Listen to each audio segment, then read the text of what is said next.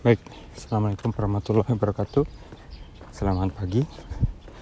Hmm, Jadi pagi ini saya akan membahas hal lain ya Bukan kuliah, bukan penelitian, bukan sains terbuka.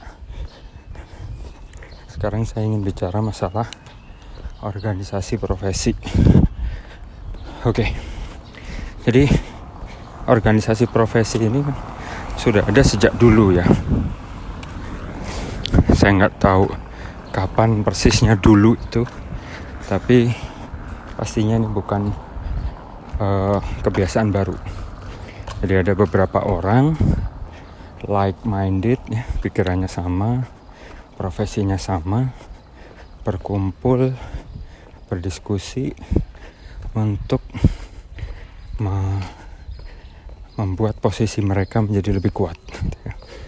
Nah, dari perkembangan yang sekarang ada, terutama di Indonesia, saya sudah mengamati di berbagai asosiasi profesi, baik yang itu ada di wilayah bidang keilmuan saya atau di bidang keilmuan yang lain. Jadi uh, ada kemiripan. Nah, salah satu kemiripannya itu adalah bahwa organisasi profesi ini atau asosiasi profesi ASPRO saya singkatnya itu kalau menurut saya sangat mirip dengan rumah tangga dalam satu universitas atau perguruan tinggi gitu suasananya itu mirip bahkan di beberapa uh, lokasi itu hampir sama. Bukan mirip lagi hampir sama kecuali tidak mengadakan pendidikan. Nah untuk pendidikan sendiri sebenarnya sudah mirip juga kan? Sudah banyak aso aspro yang menyelenggarakan uh, uh, ini continuing education ya kursus-kursus.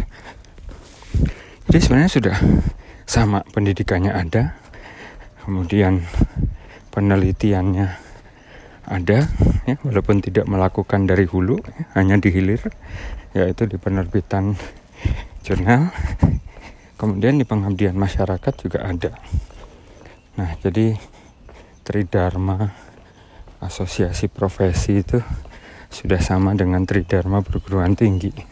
Nah, yang jadi masalah adalah kadang Aspro ini lupa kalau dia itu sebenarnya menghimpun berbagai stakeholders ya. Selain dosen tentunya juga ada peneliti yang non dosen ada uh, pembuat kebijakan ya, yang bekerja di pemerintah baik pada skala lokal regional atau nasional. Kemudian ada juga yang dari industri. Nah sering lupa itu.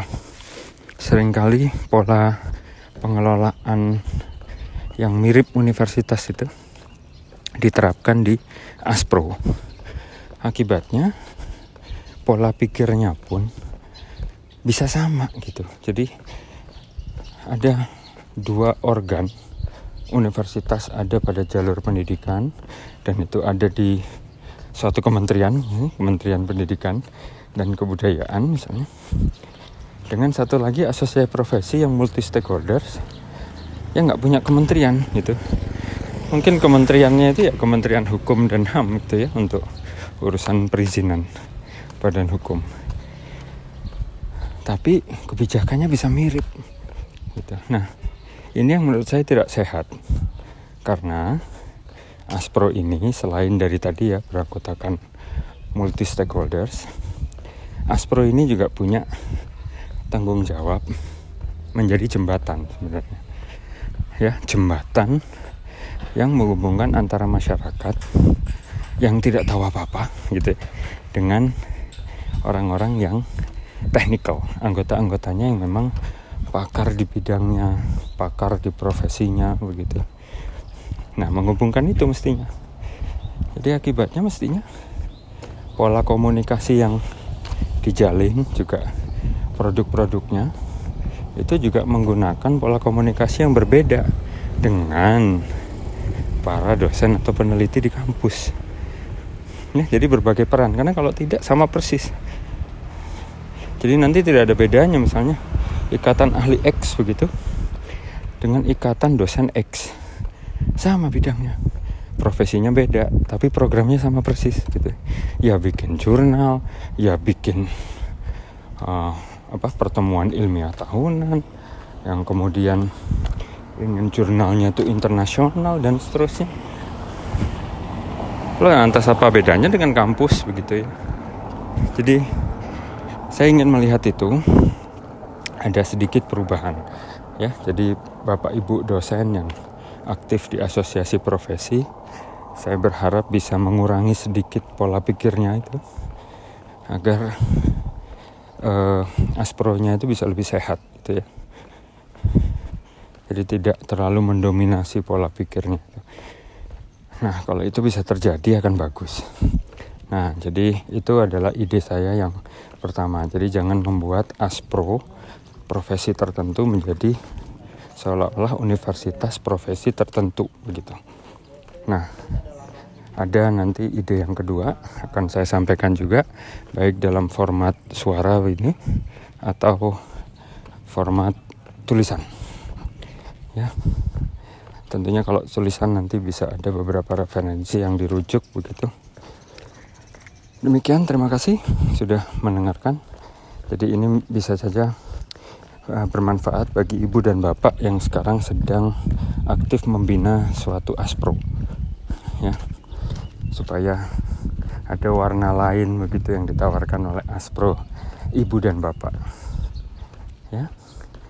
Selamat pagi. Selamat beraktivitas tetap sehat. Assalamualaikum warahmatullahi wabarakatuh